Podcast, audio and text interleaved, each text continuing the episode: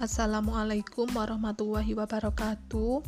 Perkenalkan saya Puput Velani dari D3 tingkat 2 NIM 18129.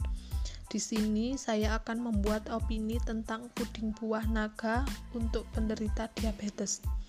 Saya akan menjelaskan sedikit tentang penyakit diabetes. Diabetes mellitus adalah penyakit yang disebabkan oleh kekurangan insulin atau kurangnya efektivitas insulin. Hal ini ditandai dengan hiperglikemia atau peningkatan kadar glukosa melebihi normal.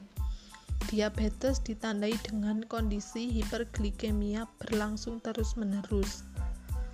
Kemudian, saya akan menjelaskan tentang manfaat puding buah naga yang baik untuk penderita diabetes.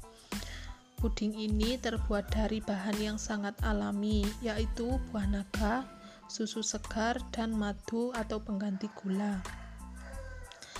Manfaat buah naga bagi kesehatan sendiri yaitu mencegah diabetes, baik untuk pencernaan, menstabilkan gula darah, kesehatan kardiovaskular, mencegah kanker.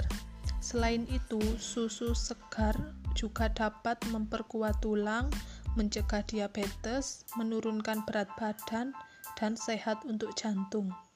Kemudian, puding buah naga ini tidak menggunakan gula dan diganti dengan madu karena madu mempunyai banyak manfaat yaitu mencegah diabetes, mencegah kanker, sehat untuk jantung dan menurunkan kolesterol.